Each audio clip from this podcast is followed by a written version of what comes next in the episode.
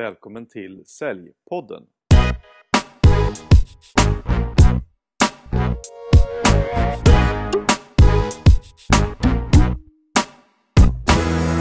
I det här avsnittet av Säljpodden så pratar jag med säljcoachen Göran Wernersson från Säljcoachen i Sverige AB. Ta fram penna och papper för i det här avsnittet kommer Göran att dela med sig av mängder med bra tips om hur du kan hjälpa din kund genom coachande försäljning. Så pausa podden, gå och hämta penna och papper och gå tillbaka och lyssna på den här intervjun. I det här avsnittet av Säljpodden har jag med mig säljcoachen, utbildaren och företagaren Göran Wernersson från just Säljcoachen i Sverige AB. Några av er har kanske sett logotypen och namnet Säljcoachen på allt ifrån reklamskyltar längs E4 till olika webbutbildningar på nätet. Och med namnet Säljcoachen så har ju ni etablerat er som ett av Sveriges mest kända företag på just säljträning och säljcoachning.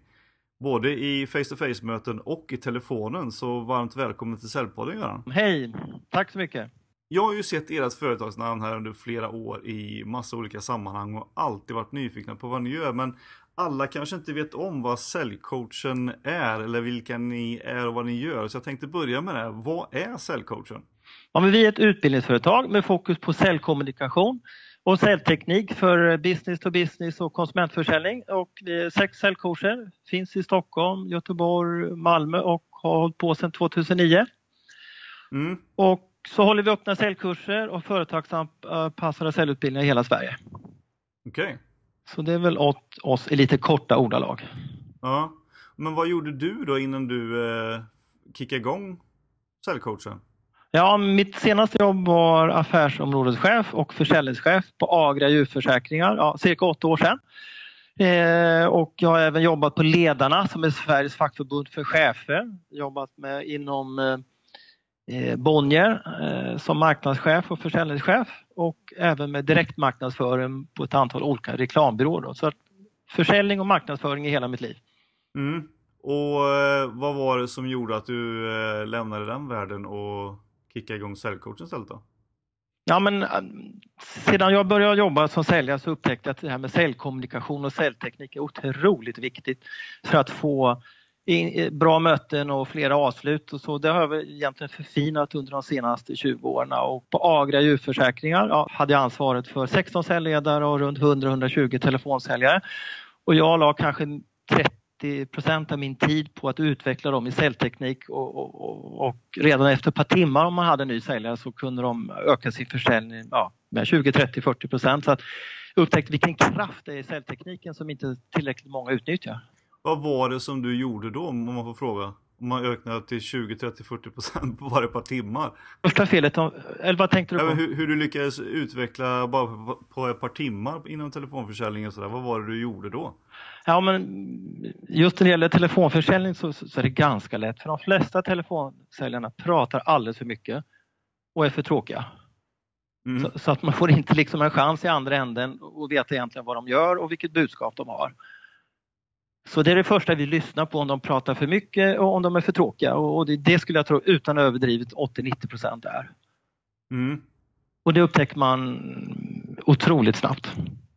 Det är lite som säljare generellt sett, man tycker att de pratar för mycket och lyssnar för lite. Ja men så, och det blir extra tydligt i telefonen. Ja. Eh, och, och där gäller det också att vara extra eh, tydlig med vad man vill och skapa förtroende och, och det gör inte de flesta. Nej. Nej.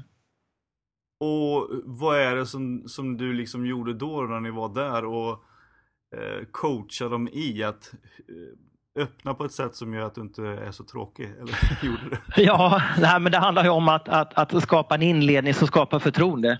Eh, så att man vet från vilket företag man ringer och att ja, men det här känns förtroendegivande. För när man inte träffar någon och inte vet kanske vem det är så är det otroligt viktigt den första meningen. Så den får man jobba mycket på. Och sen mm. verkligen fråga om de har tid mm. att prata med oss. För det är också eh, förtroende och respektingivande. Och sen måste vi skapa intresse på något sätt. Vi måste ha en intresseskapande fråga. Men de flesta är ju så förtvivlat rädda att få nej så de drar iväg en tre, fyra, fem, sex meningar i raden för att undvika så många nej som möjligt. Och då blir det så lite plattityder och klichéer mm. och man vet egentligen inte vad de vill då. Så att vad vi gick in och, eller vad jag gick in och tipsade om och, och fokuserade på det är att få en mening som skapar intresse. Mm. Till exempel? Eh, ja, men vi ser just nu här på, eh, att du har skaffat en, en ny hund via registret på, på Kennelklubben. Och jag mm. tänkte höra, det här med djurförsäkringar, eh, eh, har du hunnit teckna den nu? Ja, just det. Och då hoppar man rätt in i deras värld på en gång.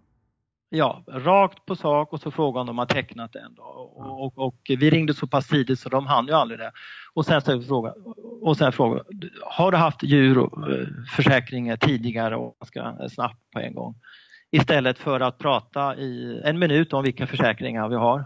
Mm. Och det gav otroligt stor eh, genomslagskraft. Okay. Och då har du, ut, då har du liksom format utbildningar runt det här inom säljcoachen också då?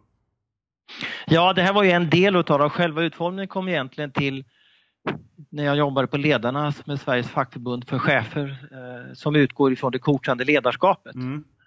Och ledarna utbildar, jag har ju 70 000 medlemmar och utbildar chefer i hur man ska få mera driv och engagemang bland medarbetare oavsett bransch eller vad man gör genom att coacha dem. Och det, själva grundtänket eh, har vi överfört till, till både telefonförsäljning och business to business försäljning. Mm. Men vad, vad, är det för, eller hur mycket utbildningar har ni? Inom till exempel face to face till att börja med? Ja, vi har ett antal olika utbildningar och eh, vi har öppna kurser och så har vi företagsanpassade kurser. Och de öppna kurserna där har vi en grundkurs för alla branscher, en tvådagars. Och så har vi eh, säljkurser för tekniker, för tekniska branscher och så har vi specialkurser för de som säljer tjänster. Så det är tre övergripande kurser och de kör vi en till två kurser i månaden. Eh, öppna där alla får komma från alla möjliga olika branscher. Mm. Och så har vi då eh, företagsanpassade säljutbildningar.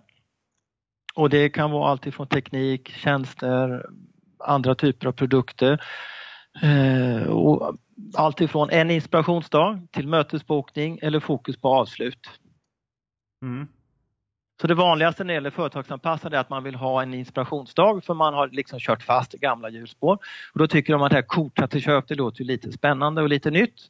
Så då vill man prova mm. det och sen brukar man ha en uppföljning på en två halvdagar lite längre fram. Och vad de flesta tycker är svårt generellt sett oavsett bransch det är mötesbokning och avslut så det brukar blir mycket fokus på det. Mm. Om jag får fråga då, eh, när ehm, eh, Ibland så får man ju frågan gällande säljutbildning, alltså, men eh, vad, vad, är skillnaden egentligen med att sälja tjänster och sälja produkter? Eh, du sa att ni har en eh, sådana typiska utbildningar för dels tekniska säljare och eh, tjänster. Jag kan tänka mig att tekniska säljare många gånger har kanske produkter som de säljer och eh, tjänstesäljarna har ju egentligen bara tid och know-how då kanske. Ja, när man säljer produkter generellt sett så, så, brukar ju de vara otroligt lika andra produkter på marknaden eller så finns det rent av exakt samma produkter. Mm. Eh, och det kan ju vara komponenter som har 5000 olika elkomponenter eller andra typer av produkter att sälja och de har otroligt många konkurrenter och det är exakt samma produkter. Då kanske vi inte ska fokusera så otroligt mycket på själva produkten i sig utan på helt andra egenskaper runt omkring. Vilken nytta man har dem och vad man slipper att göra och så vidare. Men jämfört med om du säljer tjänster så kan man ju verkligen forma dem exakt så hur kunden vill ha eh, sina tjänster utförda. Så det är två helt olika eh, försäljningssätt helt enkelt. Mm. Vad är de största skillnaderna? Då? Ja, men den största skillnaden är ju att, att eh, innan vi säljer in våra tjänster så måste vi ta reda på hur kunden jobbar först. Mm. Vi måste försöka hitta deras luckor. Mm. Och när vi ser hur de jobbar idag, eh, då presenterar vi våra luckor. Eh, och förhoppningsvis ska vi bidra med någonting där. Eh, och när det gäller produkterna, då handlar det inte kanske mycket om produkten i sig, för den har de ju redan. Det handlar om allting runt omkring produkten för att det ska flyta på bättre. Och det kan vara service, det kan vara just in time leveranser, det kan vara kvalitet på produkterna i sig och så vidare. Och då, mm. Och då får, måste vi egentligen ta reda på vilka problem har de runt produkten eller vad tror de det finns effektiviseringsmöjligheter. Mm. Och det vet man inte vid tjänsteförsäljning till exempel om det finns luckor, där vet man inte att man kan bli bättre. Nej. Och det är det som är lite spännande just med tjänsteförsäljning till exempel. Men hur lång tid tar det att sätta ihop sådana här typer av försäljningskurser? För det måste vara jättesvårt för dig också eh, att hitta de här sakerna om företagen kanske inte själva exakt vet vad som är problemet. Nej, alltså de, generellt sett så tycker de flesta att det är svårt med, med nyförsäljning och avslut men de vet ju heller inte om hur man kanske gör en presentation utav tjänster. Nej. Men då plockar vi upp deras presentation och så går vi igenom den och så får de visa så här gör vi idag. Och sen så, så äh, ger vi exempel på hur man skulle kunna göra istället. Och så går vi igenom de här sakerna och, och, och då inser de, de flesta som säljer tjänster att ah, jag visar exakt allt vad jag har. Och då är risken att kunderna, men det är ju faktiskt så vi jobbar. Istället för att ta reda på exakt hur kunden jobbar innan man gör sin egen presentation. Och då blir det ganska lätt att hålla utbildningen för kunderna ser själv, aha, okej, okay, jag förstår. Så det blir otroligt praktiskt de här utbildningarna. Vi plockar fram deras mm. presentation och så får de visa hur gör ni? Och så går vi igenom den coachande metodiken som utgår från att vi ställer frågor om hur de jobbar först. Och då blir det så otroligt tydligt vad kunden kan och vad inte vad kan och var de får luckorna. På, på vad sätt, eh, hur, hur ställer man de frågorna då? Ja men eh, säg till exempel att vi ska sälja in som ett projektledare som är en tjänst. Och, mm. och den här projektledarerbjudandet som vi har kanske består av 15 olika steg. Allt ifrån eh, inledningsmöte, projektmöte, riskanalys, kvalitetsmöten, eh, avstämningar, feedback och så vidare. Så att vi har 15 olika steg som vi jobbar med som konsulter. Och så tar vi reda på hur, hur jobbar ni eh, mm. när ni drar igång ett nytt projekt? Frågar vi oss kunden. Vilka steg har ni? Och då kanske kunden räknar upp fem, sex steg. Och då har vi, säg att vi har, då har vi tio steg kvar som vi kan presentera. Mm. Och då säger vi, och då, har vi, då säger vi så här, vi har de här tio stegen som vi säger att ni inte jobbar med idag. Och då tänkte jag göra det här med riskbedömningar och, och, och eh, feedbackmöten. Är det intressant för er? Ska vi berätta mer om det? Mm. Så då av de här tio, eh, tio tjänsterna eller tio sätten som de inte jobbar med så frågar vi om det är intressant för dem och så får de själva rangordna vad vi ska börja berätta om och då gör vi dem delaktiga då som är själva grunden i det här coachande ledarskapet. Att vi ställer väldigt mycket frågor och ber kunden vara delaktig i vår presentation och det blir jättestor skillnad jämfört med att jobba kanske med produkter. Mm. Och det är det som är så spännande att sälja in tjänster. Otroligt eh, häftig känsla att få kunden delaktig och att man inte som säljare står och pratar oavbrutet i 30 minuter, vilket blir otroligt lätt att man gör. Ja, vad, vad gör ni med dem? För det måste ja. ha hänt massor med gånger att du får se en presentation och så tänker du herregud, är, du, är ni verkligen ute och gör de här presentationerna? Jag skulle tro att 90% av alla säljare vi möter de utgår från sin presentation och kör det från sidan 1 till sidan 30. Mm. Och vissa säger till och med frågor tar vi sen. Mm. ja. Den är underbar. och det är en klassiker för att få många att plocka fram smserna eh, fast man inte får några, hoppas att man får några och man ser gäspningarna börja komma. Då. Mm. Så hur, hur vänder vi på dem? Hur får vi dem lite mera aktiva, de säljarna? Eh, genom att inte bara stå och prata hela tiden. Då, ja, men då lär vi dem den här kortande säljmetodikerna. Till varje bild man presenterar så börjar man med att ställa frågor. Mm. Och då är det ganska lätt att få en säljare som även, även har jobbat med samma metodik i tio år. Att, att eh, eh, och då är vi otroligt konkreta. För varje bild man visar upp så börjar man med att ställa en fråga eller två. Mm. Och de här frågorna styr vad säljaren ska prata om. Och är det oftast frågor då som han, handlar direkt om deras verklighet eller eh, är det rena öppna frågor som eh, vad tycker ni om det här? Eller? Det kan ju hända att vi har fem olika tjänster att sälja. Mm. Och, och, det kan ju vara vanliga konsulttid, produktionstid, projektledning eh, och vad det nu kan vara. Och, så, och innan vi, de flesta säljare, de går igenom alla fem tjänsterna för kunderna medan mm. vi ställer frågan, här har vi fem tjänster och först tänkte jag fråga, vad är mest intressant för er här? Vilken vill ni att vi ska börja med? Ja, men vi vill gå igenom det här med projektledning. Okej. Innan jag gör vår presentation av projektledning, kan ni kort beskriva hur jobbar ni med det idag? Mm. Och då får de berätta hur de jobbar och då får vi alla delaktiga på en gång. Och sedan när vi väl kommer och ska presentera våra eh, tjänster så går vi igenom de luckorna så som de inte jobbar, eller det de inte jobbar med idag. Ja, det är lite lättare att få igång en dialog då om man ställer lite frågor istället för att köra. Ja, och, och framförallt så sitter vi inte och pratar om sånt som de redan gör idag. Det är då de börjar gäspa och smsen åker fram och så vidare. Mm. Så vi pratar ju aldrig om sånt som de redan kan eller inte är intresserade av. Nej.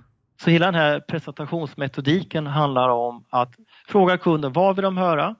I vilken ordning vill de höra det?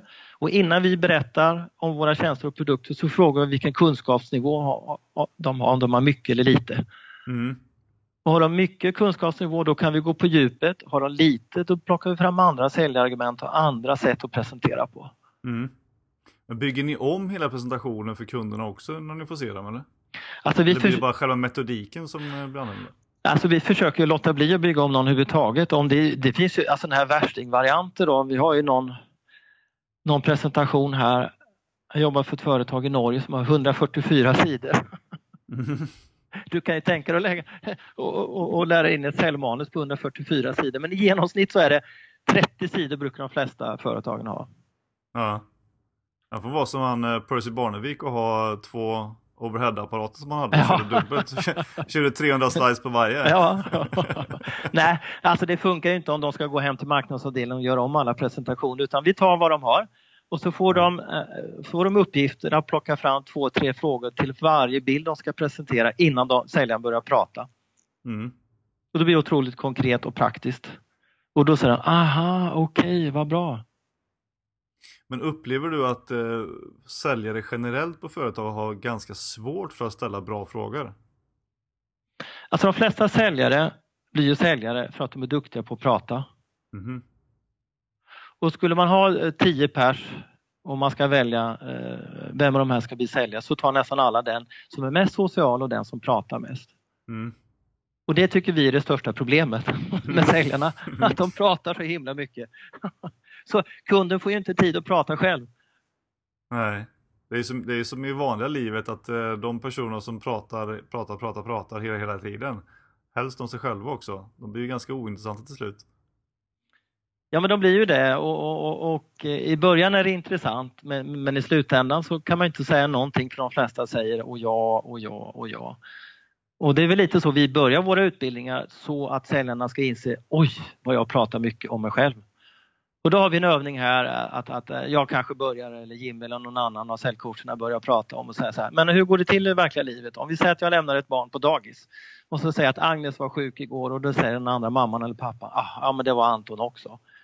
Eller så säger jag till min kompis Marcus, eh, men idag körde jag ett, eh, idag var jag ute och, och, och tränade på cykel. Ja, det var jag igår. Så om man tänker efter hur vi kommunicerar våra privatliv så, så, är det väldigt vanligt att vi tar centrum från varandra. Och de flesta vill säga och ja och ja och ja, men man tänker inte på det. Nej. Och det är väldigt sällan man får prata klart faktiskt. Nästan eh, oavsett vad det än gäller. Jag vet inte om du känner igen det? Ja men absolut, jag, jag sitter och tänker på saker och, och sammanhang själv som man förmodligen, jag, jag tänker varför man säger så här och jag, eh, precis som du sa, att om jag var tränare igår, ja men det gjorde jag i förrgår. Ja. ja, men jag håller på att träna för det här. Så, så själv börjar man prata om sig själv då fast egentligen handlar om någon andra.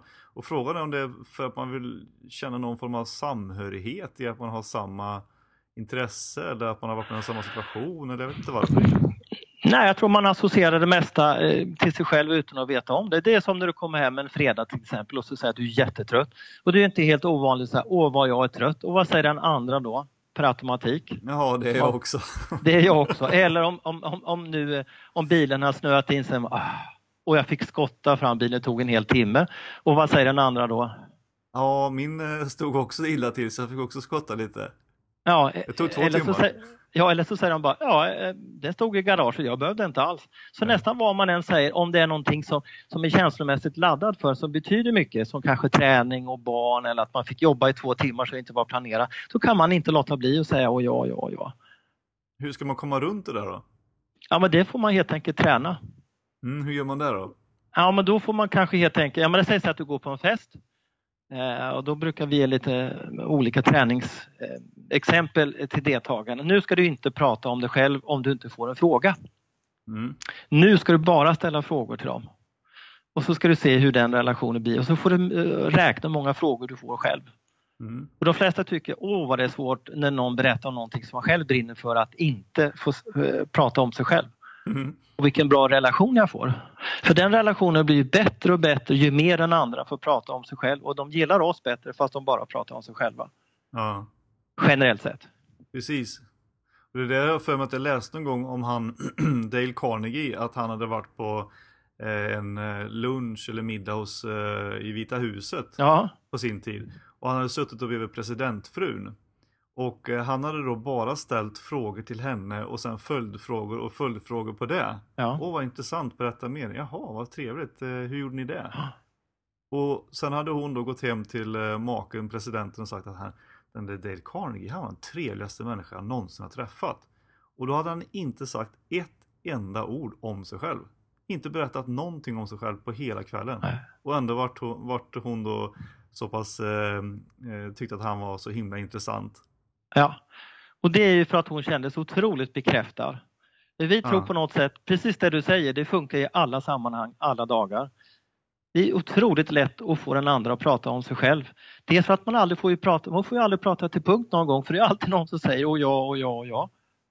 Mm. Du kan ju inte ens säga att du är trött för någon säger det är jag också. du kan ju inte ens säga att jag skottar fram bilen, det har jag också gjort. Du får ju aldrig prata till punkt någon gång. Så när någon kommer och ställer frågor som under en middag där till exempel, eh, det är så ovanligt så att, eh, så att och, och, man, och man kan inte tala om varför eh, hon tyckte att han var så trevlig. Hon vet ju inte varför. Det var för att jag fick prata om mig själv utan hon fick sitta där och prata i punkt och ro om världens bästa samtalsämne, vilket är nämligen om mig själv, fast det vet inte de flesta om. Nej. Lite överdrivet sagt då, såklart. Ja. Och det här använder vi i våra försäljningar så att man inser att det finns på något sätt en inneboende kraft att vilja prata om sig själv. Och när vi kommer ut på kundmötet, vem är det nästan alltid vi pratar mest om? Ja, det är väl oss själva och vårt företag och vår produkt tänker jag. Ja. Och har vi då sen 144 sidor, vilket är i sig lite ovanligt, då blir det väldigt fokus på oss själva. Ja. Och eh, alltså inte om oss som person utan våra produkter, precis som du sa om vårt företag. Då. Så vi får dem att inse här att skapa mycket, mycket bättre relationer i, eh, i privatlivet.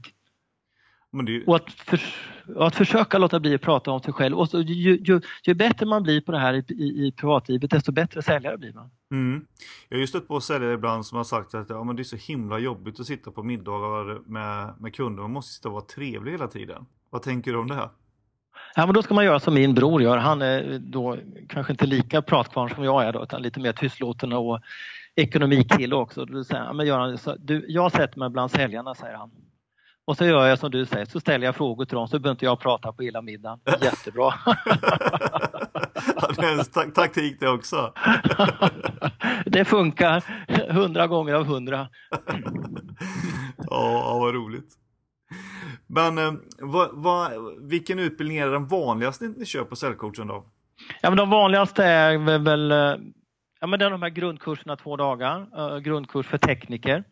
Mm. Och sen har vi företagsanpassad kurs, en, sån inspirationsdag. Mm. De som vill byta lite hjulspår. Vi fick in en förfrågan idag från ett företag som säljer industrirobotar nere i Tidaholm. Så att, ah, vi, nu var det fem år sedan vi gått eller någon säljutbildning. Vi vill testa och prova någonting nytt. Mm. Och då känner man det här låter lite spännande att coacha kunden till köp. Men om man, om man eh, jobbar som teknisk säljare då? Eller är de tekniker eller är de tekniska säljare? Nästan alla tekniska säljare är ju tekniker från början. Ja, och så skolas de i försäljning. Ja, så plockar de de killarna och tjejerna som tycker det är roligt att prata träffa människor och är sociala. De blir tekniska säljare oftast. Mm. För det är ju en, en eh, ofta outnyttjad resurs tänker jag på många företag med de här serviceteknikerna och teknikerna som åker ut på plats, reparerar och, och servar och grejer. Det är väldigt sällan som just de får någon säljutbildning fast de träffar ju kunden egentligen mest, mycket mer än vad, vad säljarna gör. Ja, det, och det finns en otrolig potential till merförsäljning. Mm. Så många kundkontaktytor eh, som de har. Mm. Så det, det, det, är en fantastisk möjlighet. Och det är inte så ofta vi har de utbyggnaderna men, men ja, ganska ofta ändå. Men vet du varför de, vet varför, men vet varför de inte säljer egentligen? Därför att de tänker inte att de är säljare utan de tänker på att de eh, hjälper den andra att lösa ett problem. Ja, och, och sen många gånger så vill de inte uppfattas som en krängare heller. Nej. Och de vill inte vara för på. Nej. Och då känner de, jag vill inte vara en sån här typisk telefonsäljare och så. Men det kan många gånger bli motsatt effekt. För om du som kund inte får reda på din leverantörs alla tjänster så kanske man till slut blir irriterad. Va? Hade ni det och det också? Jättebra! Mm. Så de här eh, serviceteknikerna och support ska egentligen se sig som, eh, som, som en service att eh, visa vad man har istället. Så det är lite, vår utbildning går ut på det, att försöka se merförsäljning som en service till kunderna och samtidigt hjälper vi de här teknikerna att göra det enkelt för kunderna att tacka nej. Mm. Så man inte känner att man måste köpa eller lyssna. Just det. Men samtidigt måste de bli lite intressanta också och inte bara prata teknik utan kanske vilken nytta och vad man slipper göra med de här nya tjänsterna. Mm. Men när du har så här mycket utbildningar, vad är liksom det, det absolut vanligaste problemet som du stöter på att, att säljarna på företagen inte hanterar så bra? Förutom att inte lyssna så mycket och prata mycket själva. Ja. ja men det, nästan alla har svårt med, med eh, mötesbokning. Mm. Presentationsteknik och avslut är väl de tre sakerna. Mm. I stort sett alla företag kan vi hjälpa att bli bättre på de tre sakerna. Mm. Och hur eh, blir man bättre på att eh, mötesboka då? Ja, men till att börja med så lyssnar vi lite på hur de pratar och så och så märker vi att ingen har någon form av mall framför sig utan de freebasar lite. Mm. Och, och, så upptäcker vi att oj vad de pratar mycket som ett dåligt bröllopstal som inte är förberett. Jag är ingen talare. Nej, vad ställer du upp ja, för var det för, förra året var jag och min fru nere i Höllviken i Malmö och på, på ett bröllop och, det var, och då brudens eh, brudgummens far får ju hålla första talet. Mm. Och, och, det, och det talet var 27 och en halv minut. Oj, oj, oj. Och sen kom, och sen, och sen kom brodern 17 minuter. Så den middagen varit lång. Och Oj, ja. ett riktigt dålig inledning på en mötesbokning kan liknas, man kanske inte håller så, så lång inledning men ibland kan man höra både 10-15 meningar långa inledningar och då blir det för tråkigt och för trist. Mm. Och, sen har, och så gör man sig inte tillräckligt intressant för att man ska säga ja. Nej. Och hur rekommenderar du att man ska göra istället då? Ja, men vi, vi, har väl tre grund... Först handlar det om att skapa förtroende för oss som bolag. Och känner man inte igen oss som bolag, då kanske man kan säga som vi jobbar med ett företag i Malmö som heter AdMobile. Mm. Eh, som jobbar inom, mot byggbranschen med olika system när det gäller tids, tidrapportering och orderhanteringssystem till exempel. Då. då kan man säga, hejsan det här är Göran Wernersson på AdMobile i Malmö. Har du tid en minut? Och då säger nästan alla, även om de är stressade, jo vad gäller det? Jo men de flesta av våra kunder, till exempel P, blir 20% effektivare med vårt eh, tidrapporteringssystem. Och jag undrar om ni tror att det är möjligt att utveckla hos er också eller är ni 100% nöjda med det systemet ni har idag? Mm. Om vi har en sån här inledning, då kanske jag tycker att det har varit lite lång då, men, men eh, då känner de igen P, aha, 20% effektivare och sen talar vi inte om att de kan bli 20% effektiva utan vi frågar om de själva tror det. Mm. Och sen frågar vi eller om de är 100% nöjda med sitt system idag så att det blir enkelt att tacka nej. Just det. Och det är, ingen, det är väl ingen som är 100% nöjd? Nej, vissa kan ju ha liksom gjort ett nytt system eller vi har inte tid just nu men man uppfattar det ändå så, som trovärdigt att man får en möjlighet att tacka nej. Mm. Eller, eller är nöjda med det systemet ni har. Och då gör man det enkelt för dem att tacka nej. Och då effekten av detta blir att man som säljare tycker att det är roligare att ringa. Och det känns också mycket skönare att det är enkelt för oss som kunder att tacka nej. Mm. Och det gör att ingen förlorar på det. Så, så det är en typisk eh, inledning. Mm. Sedan kan man också säga, jo men jag ringer här från AdMobile och vi har ett eh, orderhanteringssystem eh, med elektroniska personalliggare och Peab och Skanska några av våra kunder. Och jag tänkte bara höra om du har en minut och få ställa några frågor till, eh, till dig för att se om ni också skulle ha nytta av våra system. Är det okej? Okay? Mm. Så vi ringer och så återigen om vi är ett okänt företag så använder vi Peab och Skanska som vi jobbar med. Och så ber vi få fråga, ställa frågor om de har nytta av vårt system för det vet vi inte. Nej. Det är många säljare som ringer upp och säger vi har ett system där ni kan öka er effektivitet med 20% och det tycker vi är krängaraktigt för det har de ingen aning om. Nej. Och dessutom så är det väl så att de flesta vill väl inte om man ska hårdra det så vill man inte gå till någonting som man kan vinna utan snarare vill man bli av med ett problem. Ja men det är oftast lättare. Det är mycket svårare som du säger att gå till andra hållet. Ja. Men genom att kanske sätta en siffra, vi använder några kända företag vi, vi, vi jobbar med och så ställer vi frågorna om vi tror att det är möjligt. Då coachar vi dem redan här efter 30 sekunder. Och coaching handlar ju mycket om att ställa frågor. Mm. Istället för att tala om för dem att de kan bli bättre. Och då pekar vi med hela handen och det gillar inte vi. Generellt sett, nej. Nej, nej och då, då blir man uppfattad som att eh, du vet inte alls vad min verklighet består i. Nej men så är det. Jag jobbar med en, ett, ett, företag i Malmö som, som inom måleribranschen och han hade precis innan vår utbildning fått ett samtal eh, från en säljare som säger du, vi kan eh, öka er effektivitet med 30% genom en ny ledarskapskurs. Och då hade han precis gått en kurs i två år och ökat resultatet med det här bolaget med 50% på tre år. Mm. Så det kändes som ett påhopp så han var ju förbannad som fick det samtalet. Ja, det kan väl du överhuvudtaget inte veta. Nej. Men däremot om man har ställt frågan, vi har en ledarskapskurs här som många av våra kunder blir 30% effektivare. Tror du att det är möjligt för dig eller har det nyligen gått någon kurs? Ja. Du får en helt annan inledning och ett stuk på det, på det samtalet. Jag, jag tänker på, eh, det finns ju en eh, australiensisk herre som heter Ari Galper, jag vet inte om du känner till honom.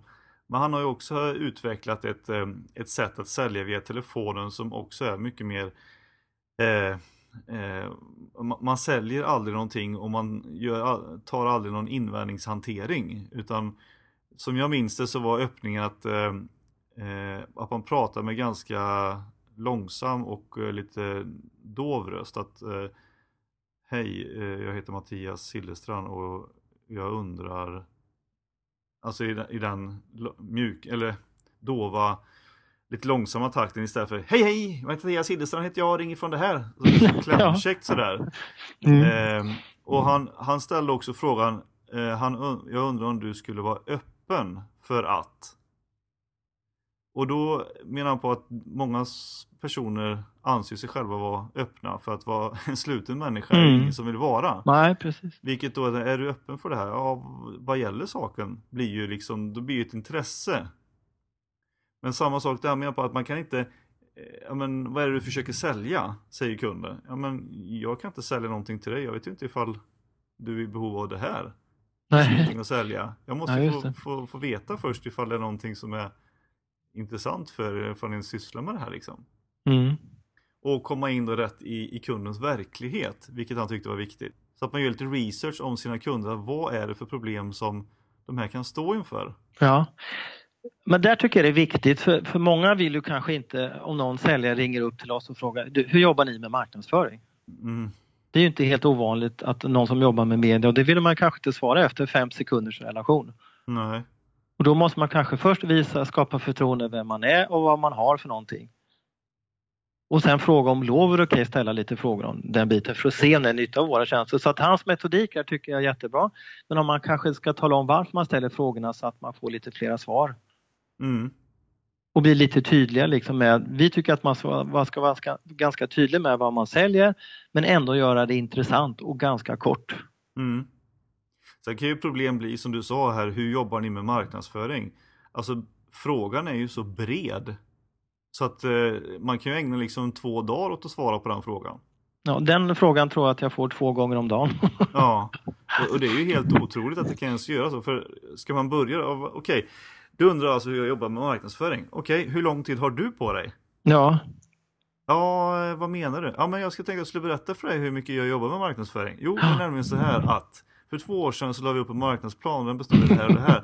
Sen jobbar vi med digital marknadsföring i de här kanalerna på det här och det här sättet via Youtube och det här och det här. Det blir ju inte, var det det här svaret du ville ha? Ja. Det blir Nej, lite för bred fråga liksom. Ja, den blir ju för bred men jättevanlig. Men de har ju ändå förstått att de ska ställa frågor men kanske inte på vilket sätt. De som ställer de typerna av frågorna. Mm. Men vad är det vanligaste problemet tycker du då som företagen som, för det är ju ändå företagen själva som skriver de här Ja, om de nu har någon manus vill säga då. Men det, ingen, har ju, ett- ingen har ju ett manus. Ja, de har inte, de bara freebasar allihop. Ja, de har ingen mall ens. Ja, Jag, jag har ju ändå hållit på med det här ganska länge och träffar väl, eh, utbildar väl kanske upp på tusen säljare per år och ett par hundra företag. Mm. Hittills har jag aldrig träffat på någon som har en mall. Möjligtvis, möjligtvis eh, telemarketingbolagen, men de jobbar inte så ofta med. Nej, det finns ingen har. Utan de säger så här, det beror på lite vem jag pratar med så anpassar jag efter det. Och då blir det lite som ett dåligt bröllopstal när man inte är förberedd. Lite för långt, lite för tråkigt. Ja, det låter ju helt otroligt. Ja, nej, men, eh, och många gillar ju inte att ha ett manus. Du säger vi skriver en mall, Mm. vi, grundkoncept som ni kan plocka och ta lite ifrån. Mm. Men ha det, för har man inte det då är risken stor att man pratar för mycket och för länge för att motverka så många nej som möjligt. Eller för att man brinner för sina eh, tjänster så mycket så att man inte kan låta bli att prata om dem. Det är också ganska vanligt. Det är också en, en klassiker när en tekniker träffar en annan tekniker. Eh, ta någon som jobbar med signalsystem på tunnelbanan här till Stockholm till exempel. Och det finns kanske 20 i Sverige som förstår vad han pratar om. Och så lyckas han gå på ett kundbesök hos någon. De, de, resten av de andra sitter i Stockholm som kan det här, av någon konst, eller i Luleå av någon konstig anledning.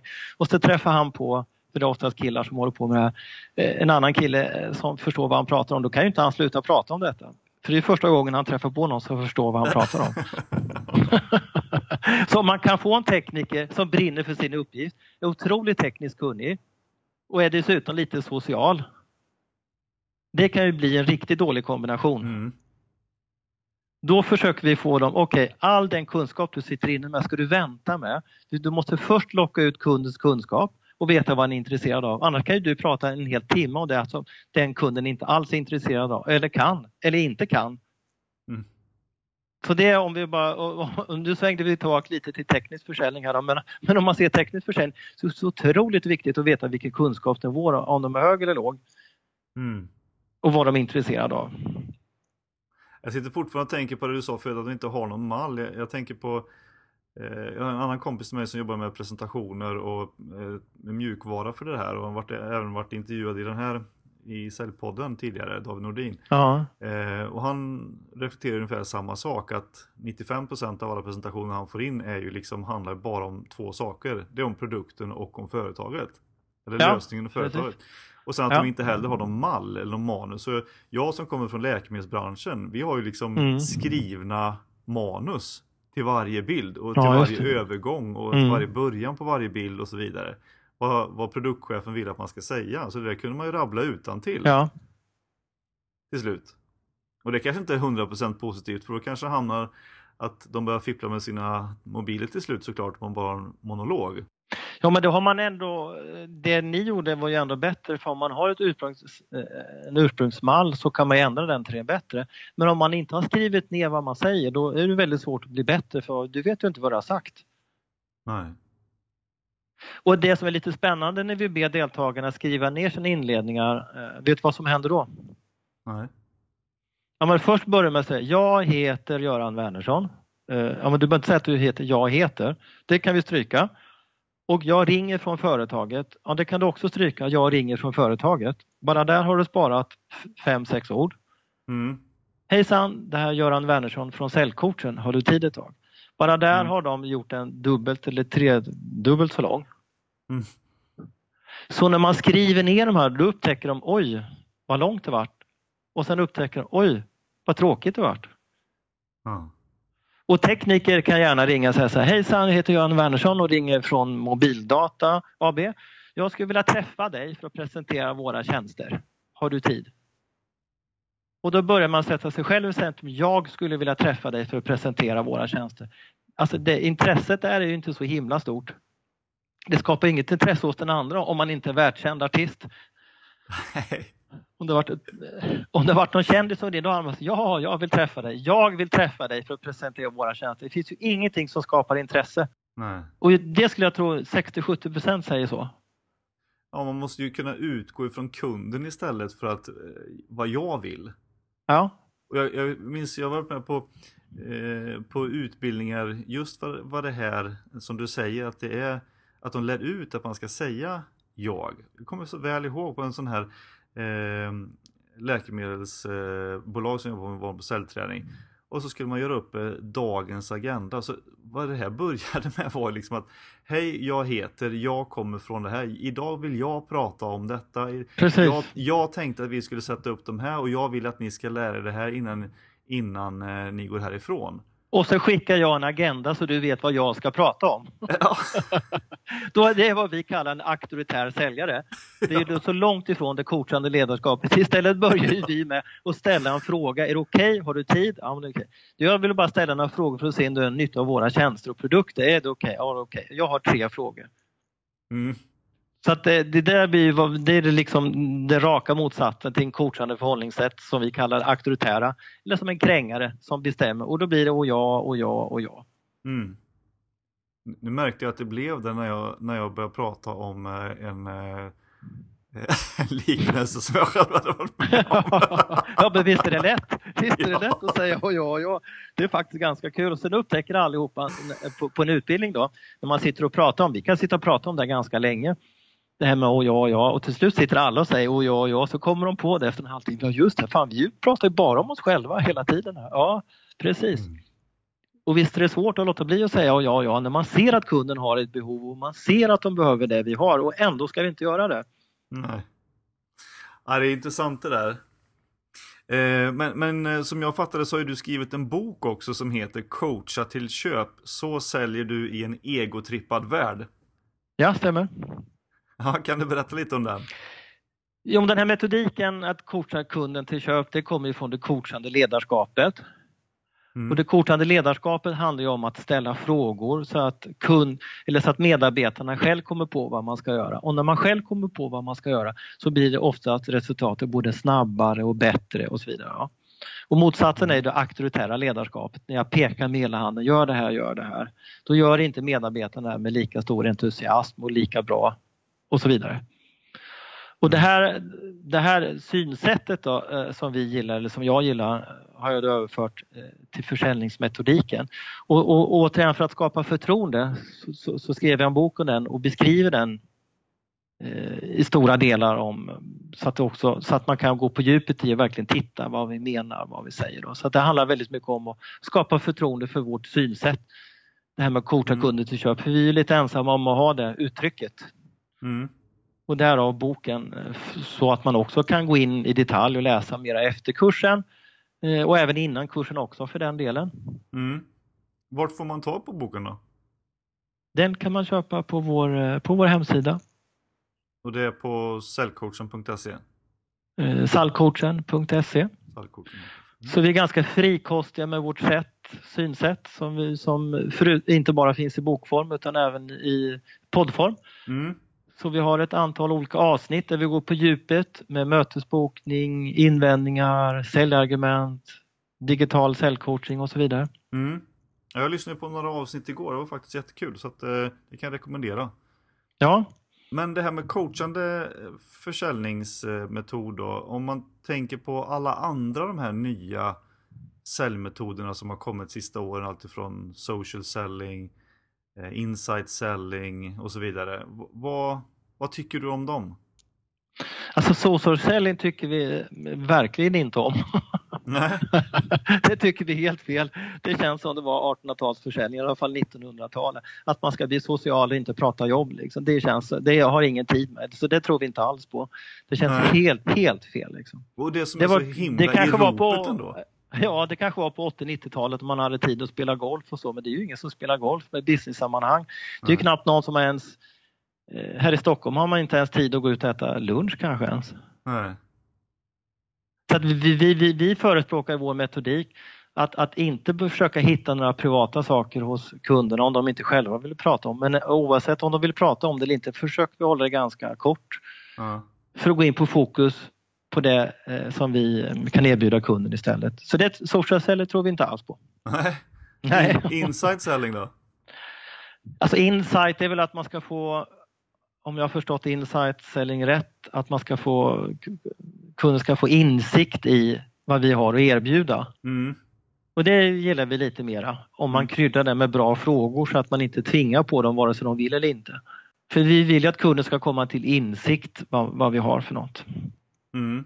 Samtidigt så kräver det ju väldigt mycket av en säljare att man ska vara väldigt påläst om ett bolag eller ens kund och dens värld och dess affärsområde och bransch och konkurrenter. För att kunna ge nya insikter. Ja, det, kan jag hålla med om och risken är ju att de blir väldigt plattityder alltihopa och bara generella så att det inte passar någon. Mm. Eh, men det är ändå åt rätt håll att man ska få kunden till insikt om, om, om, om vad vi kan ha att erbjuda. Mm. Finns det någon eh, säljmetod som eh, alltid funkar då tycker du? Ja, en. Ja, just det. Undrar vilken? att coacha kunden till köp. Den funkar alltid. Vi kan ju sälja allt ifrån gymnastikskor till industrirobotar utan att irritera någon. Är det så? Ja, definitivt. Alltså, jag menar, min dotter jobbade i, i en butik och, och, och sålde sportskor. Och vi satt och pratade hon och jag, Johanna, eh, och hon fick tre, fyra frågor. Eh, hon sålde överlägset mest av alla andra för hon ställde sådana frågor som ingen annan gjorde. Vad kunde det vara till exempel då? Ja men om du ska köpa ett gäng gymnastikskor, jag vet inte om du, om, om du kommer fram till en sån här butik så ser du att det står 800 skor här mm. och så säger ja vad vill du ha för något? Mm. Ja men då kanske hon ställer frågan, du, vilka skor har du idag? Vad har du haft tidigare? Mm. Hur, på vilket sätt kommer du använda de här skorna? Och är det någonting som du absolut inte vill ha, så vi ställer inte bara frågan om, om pris och form och utseende. Mm. Så får dem att plocka, plocka fram eh, vilka skor och när köpte de skor senast, hur ofta köper de skor till exempel. Mm. Det är lite bara några enkla frågor egentligen. Ja, ja. Men det är som om du kommer in i en dataaffär till exempel, då säger jag alltid de så här, okej okay, vad ska du ha den till? Hur mycket får den kosta? Mm. Och jag kanske inte vet vad jag ska till om ett år. Istället ställer jag frågan, du bara lite kort innan jag gör min presentation av de här eh, datorerna. Vilken dator har du idag? När köpte du dator senast? Vilka, har, vilka datorer har du haft? Mm. Vilka program kommer du jobba med? Mm. Så vi tar reda lite på hur de använder. Vi frågar inte vad de använder den till utan vi frågar mera alltså i detalj vad de använder den till. Mm. Så där, Då får man lite bättre bild av... Ja, du får, du får definitivt mycket bättre bild. För om du ställer frågan vad får den kosta? Ja, 7000 kanske de säger. Och sen om vi inte hade ställt den frågan hade vi kanske kunnat ha sålt en dator för 14 000 istället. Och kunden hade mm. blivit mera nöjd dessutom och få en, köpt den för 14 istället för 7. Mm. Det, är ju, det är ju jätteviktig sak som du säger här, man kan ställa rätt frågor. Och du nämnde tidigare också i eh, att det största problemet förutom mötesbokning och, och var också att komma till avslut. Hur jobbar ni med det i eran eh, värld? Ja, men när man kommer till avslut, och bara lite generellt om avslut på våra kurser så brukar vi fråga sig, okej okay, nu har vi sista delen kvar, ni har gjort er presentation och nu är det dags att göra ett avslut. Vad har ni för frågor? Och då kan de efter tio minuter klämma fram en till två, ibland kan någon säga tre frågor. Mm. Och då blir det lite så här, ja, ska vi gå, ska vi gå hem till dig eller till mig eller? Liksom sådär, ja, ska vi slå till liksom ungefär och det låter ju lite krängigt, eller hur? Mm.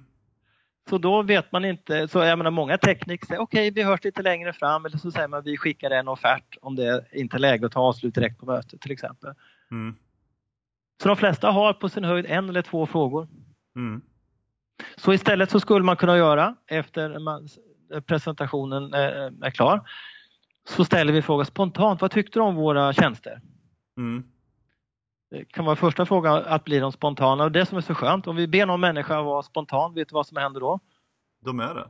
Ja, de blir spontana, visst är det härligt? och sedan så ställer vi frågan om de ser några fördelar med att använda de här produkterna och tjänsterna. Ja. Eh, och om kunden inte kommer ihåg vilka fördelar det är då kanske vi kan fundera på om vi gjort en bra presentation. Eh, eller om vi liksom ställt rätt frågor för att hitta kundens luckor till exempel. Så det är otroligt viktigt att kunden med hjälp av de här två frågorna gör en egen sammanfattning. De flesta säljarna brukar ju själv göra en sammanfattning.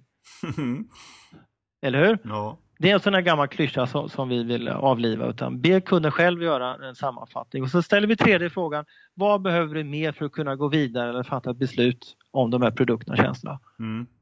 Och då vill vi att kunden antingen säger, ja för tusan, vi kör nu eller skicka mig en offert.